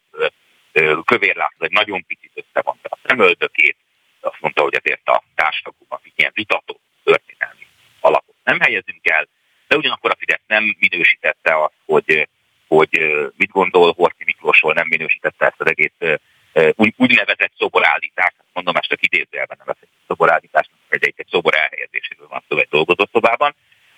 És hát ott van az a, az a progresszív, liberális baloldali értelmiség, amelyik, meg, meg politika, amelyik szintén eljátsza a maga szerepét, a demokratikus európai értéken hős védelmezői, akik, akik most elengedhetetlenül szükségesnek tartják, hogy plusz egyszerre is elmondják, hogy, hogy mit gondolnak Horti Miklósról, és mennyire kártékony, veszélyes politikai szereplőnek tartják, és mennyire veszélyesnek tartják azt, hogy egy dolgozó szobában ott van a szobra.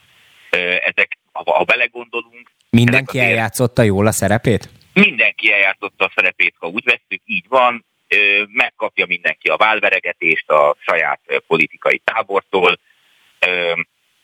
Úgy is mondhatnánk, hogy win-win-win, mert nyer, nyer vele a mi hazánk, tulajdonképpen nyer vele a Fidesz, mert ebben ők eljátszák azt a, azt a szerepet, elfoglalják azt a pozíciót, amit a centrális erőtér dogmatikáján belül ők, ők szeretnek elfoglalni, és ott van a, a, a baloldali liberális értelmiség, meg politika, amelyik szintén eljátsza maga szerepét.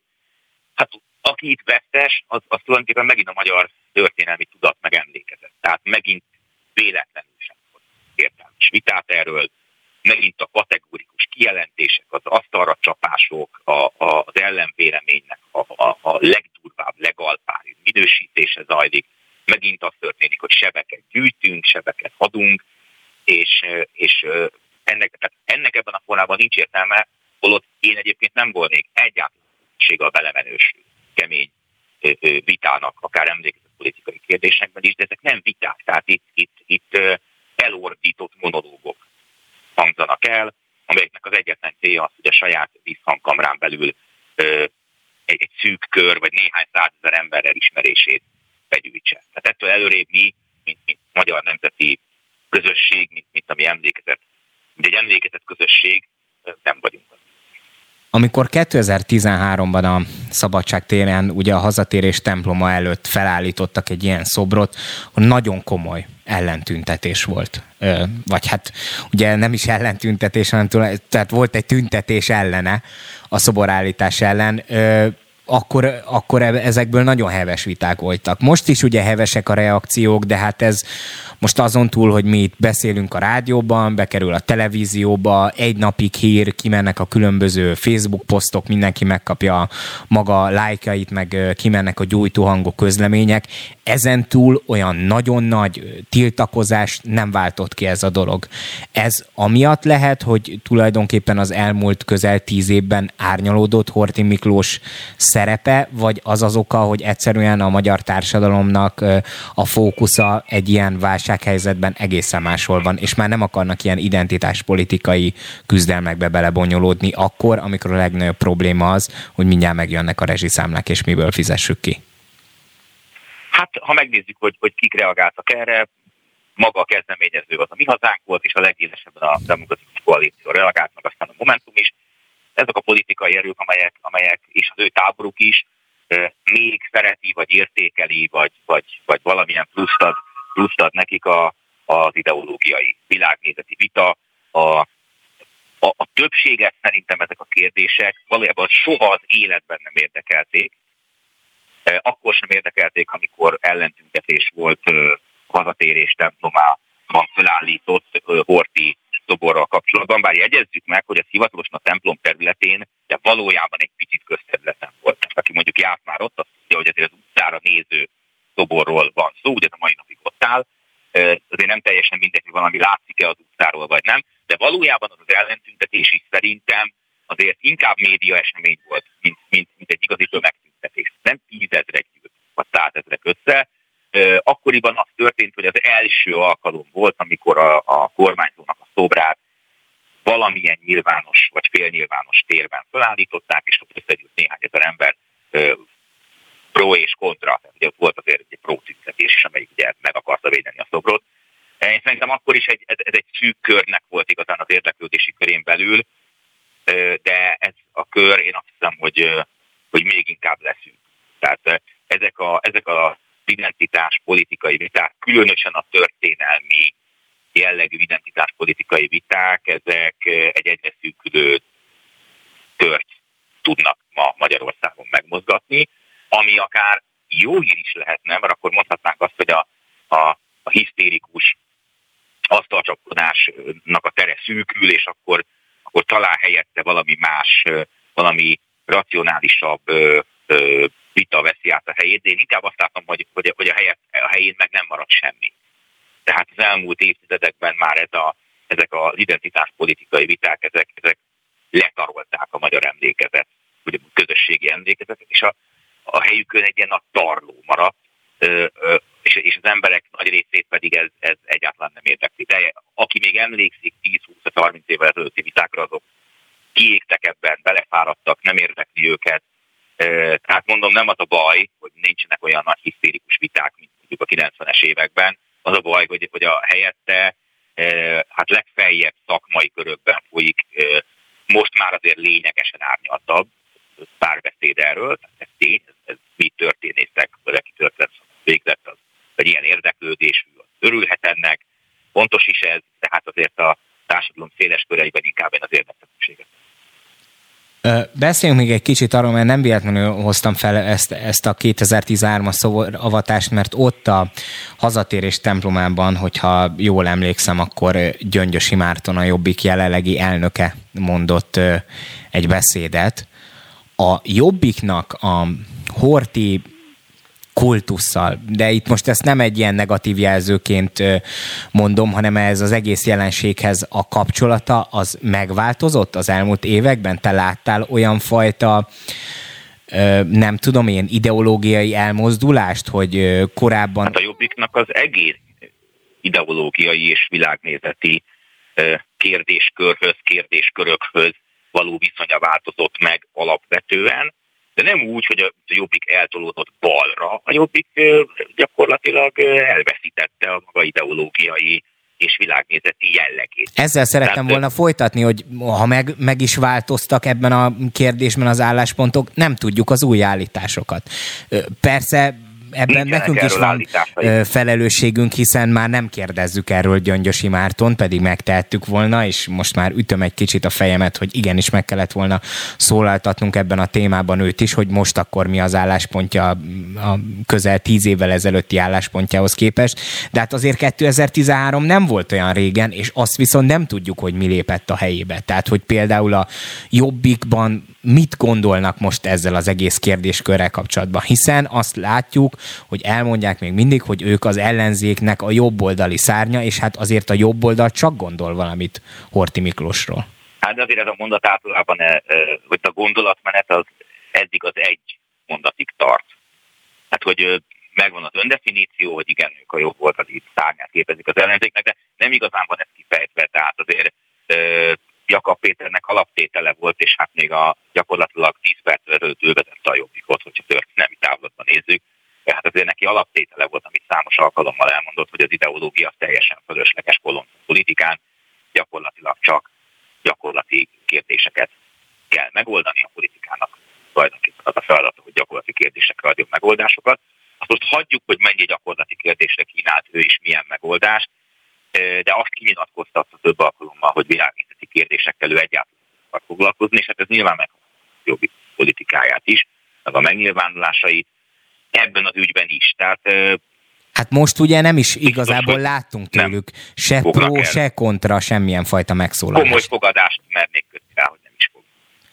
Ugye itt Dúró Dóra, a mi hazánk elnök helyettese, az belebegtette, hogy valamilyen formában azért ezt benyújtják ezt a kérdést az országgyűlés elé, és hogyha nem is parlamenti vitanap, de van ugye olyan javaslatuk, amely emléknappán nyilvánítaná a tegnapi napot, ugye a hazatérés napjával azt hiszem, hogy ezt a fogalmat használta, hogy valamilyen fajta ünnep legyen. Nyilván emiatt lesz, lenne akkor, hogyha ez átmegy a bizottságon, ugye valamilyen fajta parlamenti vita, ahol valahogyan diszponálnia kell magát a jobbiknak. Szerinted ott belül van arról gondolkozás, hogy akkor most nekünk ebben a kérdéskörben mit kell mondani? Hiszen, hogyha felveszik a klasszikus baloldali liberális érverendszert ezzel az egész horti kérdéssel szembe, akkor lehet, hogy még a maradék támogatójuk is elmennek mögülük, és átmennek Van erre recept már a jobbik részéről, hát számos ilyen kérdést az elmúlt években lepattintottak azzal, hogy gyakorlati kérdésekkel kell foglalkozni, egyszerű kisembert, a melóst, és azt nem ez érdekli.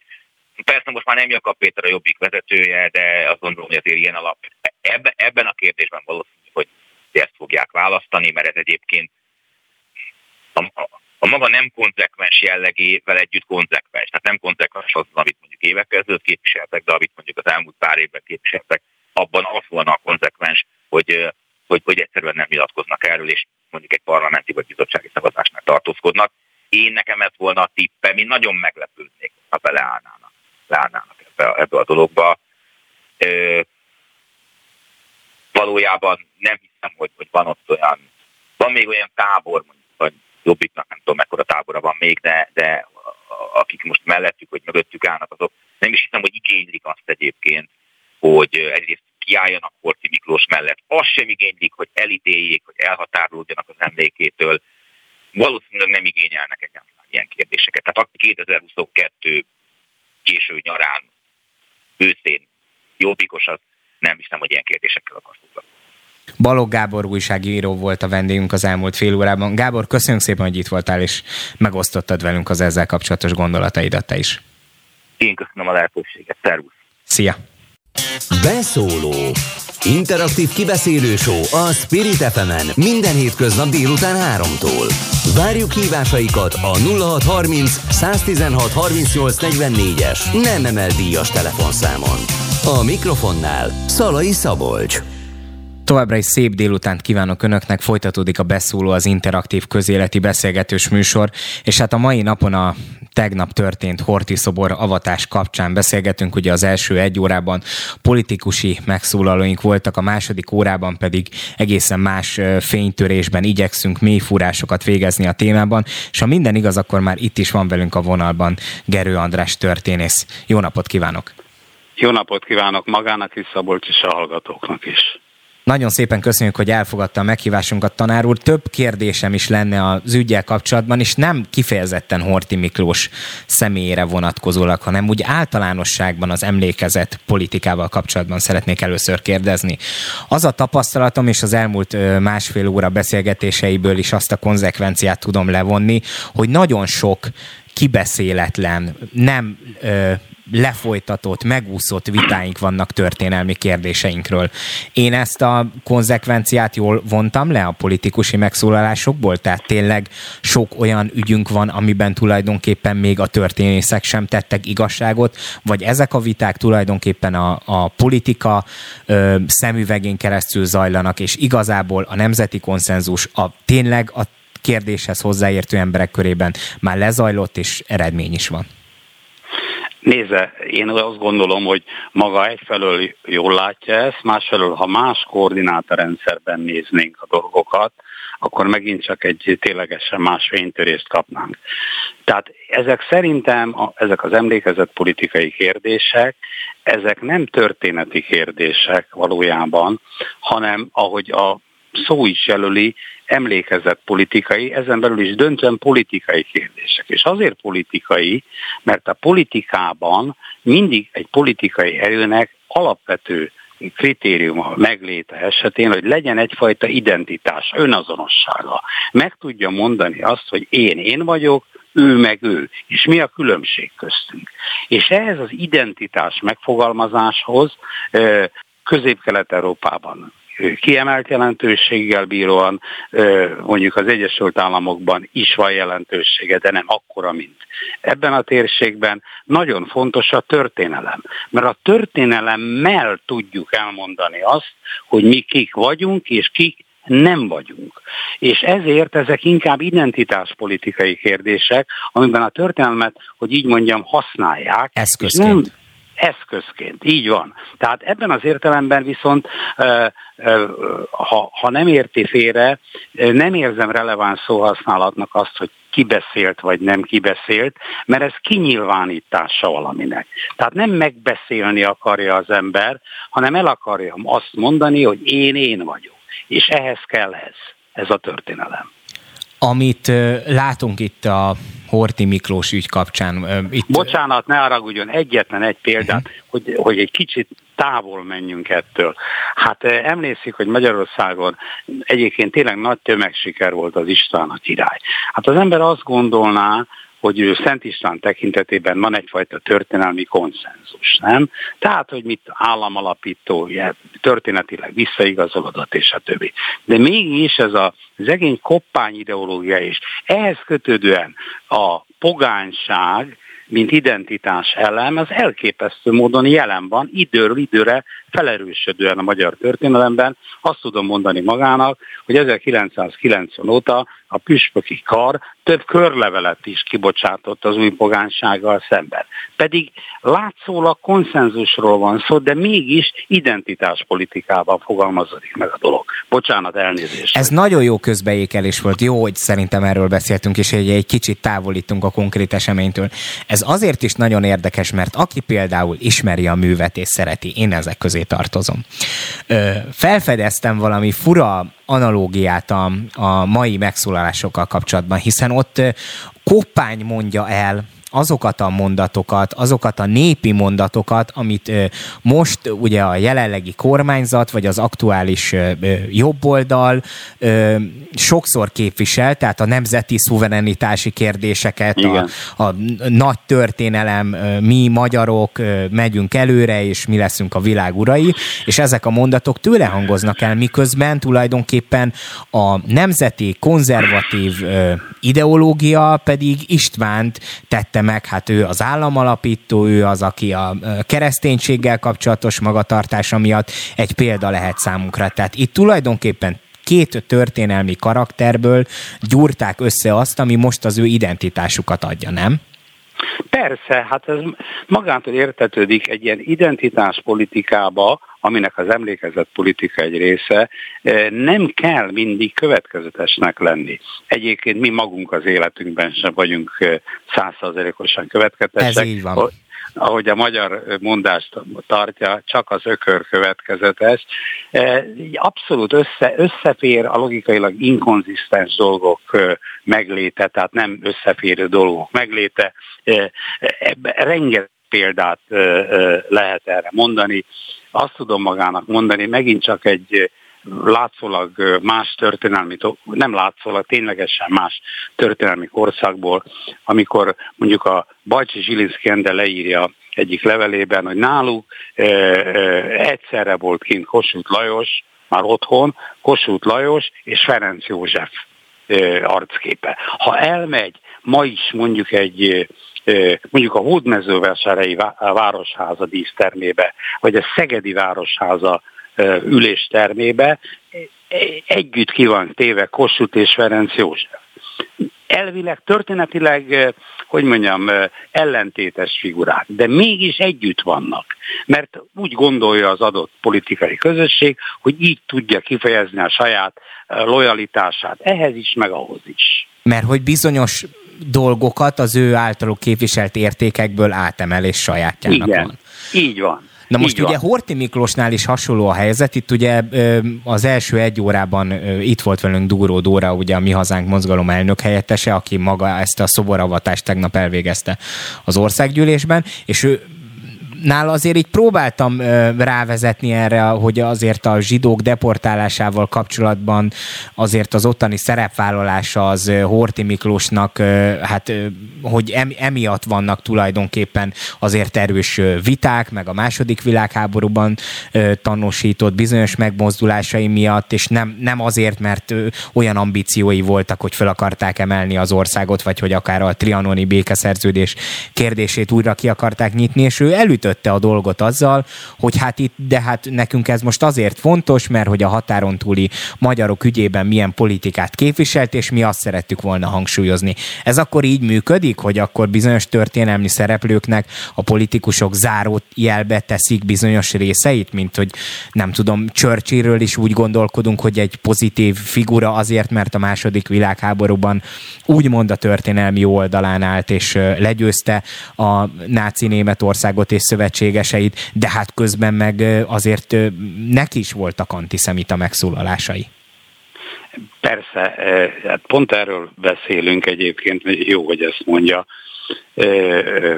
Köztünk szóval az én személyes távolságtartásom általában a politikusokkal, ők, hogy így mondjam, a maguk lovát dicsérik. Tehát mindig a maguk lovát.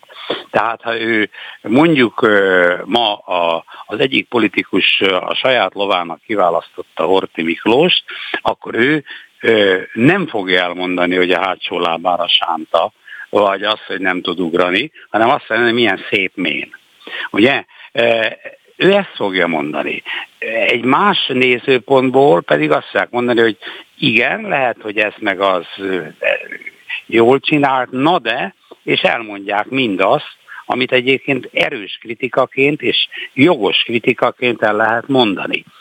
Itt mindig a, a, az dönt, tudja, hogy eh, ahogy ezt az angol száz világban mondják, hogy a big picture-be, a, a nagy képbe eh, mi az, ami számít. Ez bizonyos értelemben megint csak identitás függő, illetve a személy értékrendjétől függő. Ha az számít valakinek a megítélésénél, hogy egy trianonban megalázott, megcsonkított, tönkretett országot államfőként segített valamilyen értelemben rendbe tenni, valamilyen értelemben konszolidálni, akkor, akkor pozitív lesz a megítélése. Ha az számít, hogy magyar állampolgárai, magyar állampolgárok százezreinek, százezreinek a megsemmisítésében, elárulásában segítkezett, segítkezett. Mert kiadta őket egy másik államnak. És tudta, hogy állam, milyen sors vár rájuk. És tudta, hogy milyen sors van, vár rájuk, akkor, akkor egy nagyon negatív kép jön ki. Tudja? Ezért mondom, hogy ez megint identitás kérdése, lehet mérlegeli, meg kell, hogy mondjam, ennyi szubjektív, hogy nem, próbálok elemzően beszélni erről, de azért egy szubjektív megjegyzést engedjen meg. Én semmi olyat nem tudok egy politikusnak megbocsátani, ami visszacsinálhatatlan.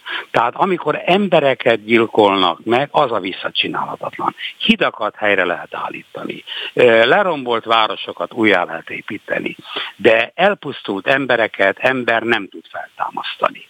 És az én szememben ez a legsúlyosabb. Azért is hívtuk önt, mert tudom azt, hogy kellő távolságtartással szokta kezelni ezeket az ügyeket.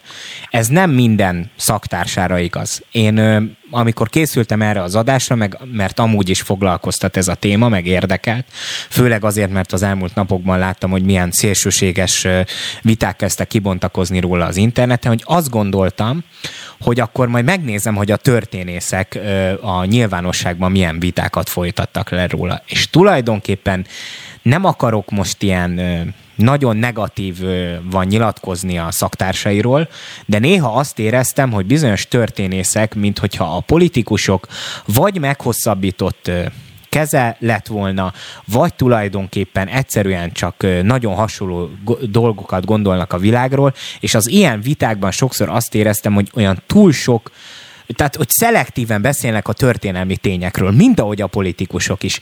Ez, ez egy ilyen nem megfelelő történészi magatartás, vagy, vagy ez egy másfajta iskola, amit ö, sokan a magukénak gondolnak, mert persze nem szeretem ezeket a címkézéseket, mert sokszor igaztalannak is gondolom, de most visszanéztem egy korábbi televíziós vitát, amiben történészek beszélgettek Horti Miklós megítéléséről, és azt éreztem, hogy minthogyha jobb és baloldali politikusok ülnének itt. Mert ugyanazokat Igen. az érveket hallottam.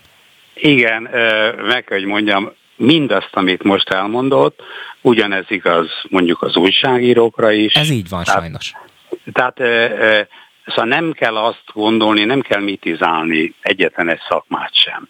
Minden szakmában van megosztottság, van politikai elfogultság, vagy politikai oldal ebben az értelemben. Én ezt természetesnek tekintem. Tehát én ezt nem, én ezt nem negatívnak tartom. Vagy pozitívnak, ugye, hanem egy tényszerű dolognak tényszerűnek, és, és bizonyos értelemben a modern világ, a szabad nyilvánosság természetes velejárójának. Tehát én azt gondolom, hogy nagyon helyes, hogy az emberek, az a lényeg, hogy vállalják a saját véleményüket. Mert a legrosszabb az, tudja, amikor ö, ö, valaki vagy nem vállalja, vagy ma ezt mondja, holnap Nap azt, azt mondja. Ugye? Erre is Tehát, láttunk példát. Úgy, igen. Tehát e, e, e, ezek, ezek bizonyos értelemben emberi gyarlóságok. Egyébként a gyarlóság is, hát ha máshonnan nem, a kereszténységtől tudjuk, hogy a gyarlóság az, az, az hozzánk tartozik, az a mi lényünknek egy fajta szerves része. Igen, csak a, a dolog nehézsége az, hogy miközben a, az újságírókkal kapcsolatos kritika is szerintem teljesen jogos, és a jó Isten óvjon Nem minket kritika, meg. náluk is természetes. Náluk is természetes, de hogy, hogy igen, hogy, tehát hogy tulajdonképpen sokszor azt érezzük, hogy a politikusok helyett az újságírók meg a médiában szereplő emberek folytatják le ö, ezeket a vitákat, és sokszor politikai igen. narratívákat mondanak fel. Így van. Ö, ettől függetlenül lehet, hogy a véleményük ö, ö, még megegyezik azzal a narratívával, amit elmondanak, csak így azért nehéz az objektív igazságokat megkeresni. Viszont a történészektől valahol elvárná az ember, hogy tegyenek igazságot, mert az újságíró nekünk egy kicsit alacsonyabb a társadalmi presztízsünk. De ebben. miért várja ezt el? Csak hogy megjegyzem. Szóval mi, mi, mi, tehát hogy jött magába ez a vágy, vagy ez az elképzelés, hogy úgymond igazságot tenni? Hát őszintén szólva, a bíróság se tesz igazságot, jogot szolgáltat. Ez mondjuk ez igaz, ez egy, nagy, ez egy nagyon igaz mondás. Ugye Amerikában azt szokták mondani, hogy a bírósági pereket azok nyerik, akinek jobb ügyvédje van. Úgyhogy, hát például. Igen. Tehát az, hogy nézd, ez az egész igazságfogalom, ez egy nagyon-nagyon problematikus dolog. Mindenkinek lehet igazsága.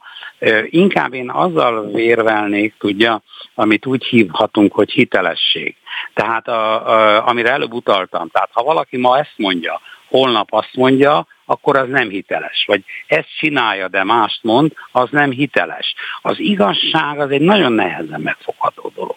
Ezért mondtam azt, hogy én is csak egy szubjektívet tudok mondani, tehát a, ha elemzően nézem, akkor tudok pozitívat és negatívat mondani, mondok adott esetben Horti teljesítményét illetően, amit nem tudok megbocsátani, hogy partner volt sok százezer ember államfőként sok százezer ember átadásának más állam részére, hogy meggyilkolják őket. Érti? Ez egy államfői etosz elárulása.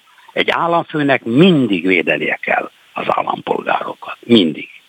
Igen, csak azért azért, tudja, azért nehéz ügy ez, mert amikor vannak ezek a politikai viták, akkor ö, szerintem sokan vagyunk belgák, akik ö, Igen azt mondják, és ez nem, a, nem azért van, mert hogy ö, elvtelenek lennénk, hanem mert azt gondoljuk, hogy a világ nem fekete vagy fehér. Hogy e- olyan Igen. egyrészt, másrészt ö, ö, valahol ott lehet az igazság. Ugye sokszor Török Gábor politikai elemzőt is előszokták venni, kicsit gúnyosan is a újságíró kollégák szoktak róla beszélni, miközben szerintem ő sokszor jobban gyakorolja a politológusi szakmáját, mint azok a politikai jellemzők, politológusok, akik kinyilatkoztatnak, mert ő azt mond, belepróbál helyezkedni a hatalmon levők és az ellenzék helyzetébe is, és egyszerűen ezt a kérdést úgy nézi, hogy hatalom technikailag mi az, ami ö, történik, mi lehet az ok és okozat, az összefüggések benne, és nem az, hogy tulajdonképpen ez morálisan hogyan megítélhető. Csak amikor egy ilyen kérdésről van szó, akkor az ember a végén, miközben meghallgatja a politikusok különböző megszólalásait a témában, szeretne valami igazságot szolgáltatni a végén, vagy valami olyan dolgot mondani, amiben így az adás végére mi is megegyezhetünk. De akkor tulajdonképpen ezzel az egész horti kérdéssel, meg az összes ilyen megosztó történelmi szereplővel szemben az a nehézségünk, hogy tulajdonképpen lehet így is, meg úgy is nézni a dolgokat. Igen, egyet tehet az ember, elmondja, hogy lehet így is nézni. Úgy is nézni, és adott esetben, mint én most megtettem, ezt mondom, hogy lehet így is nézni, meg úgy is, és egyben mondjuk személyesen azt mondom, hogy én viszont így nézem. És miért fontos hát, ez? Nyíltnak kell tenni, nyíltnak kell lenni, hát föl kell vállalni, szerintem. Ez, ez a normális beszédhelyzet.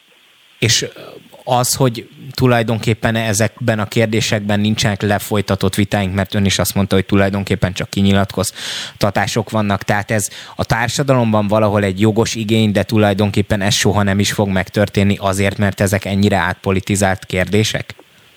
De nézze, ahogy a szabadság egy befejezhetetlen feladat, ugyanúgy a, ezek az intellektuális viták is befejezhetetlen feladatok.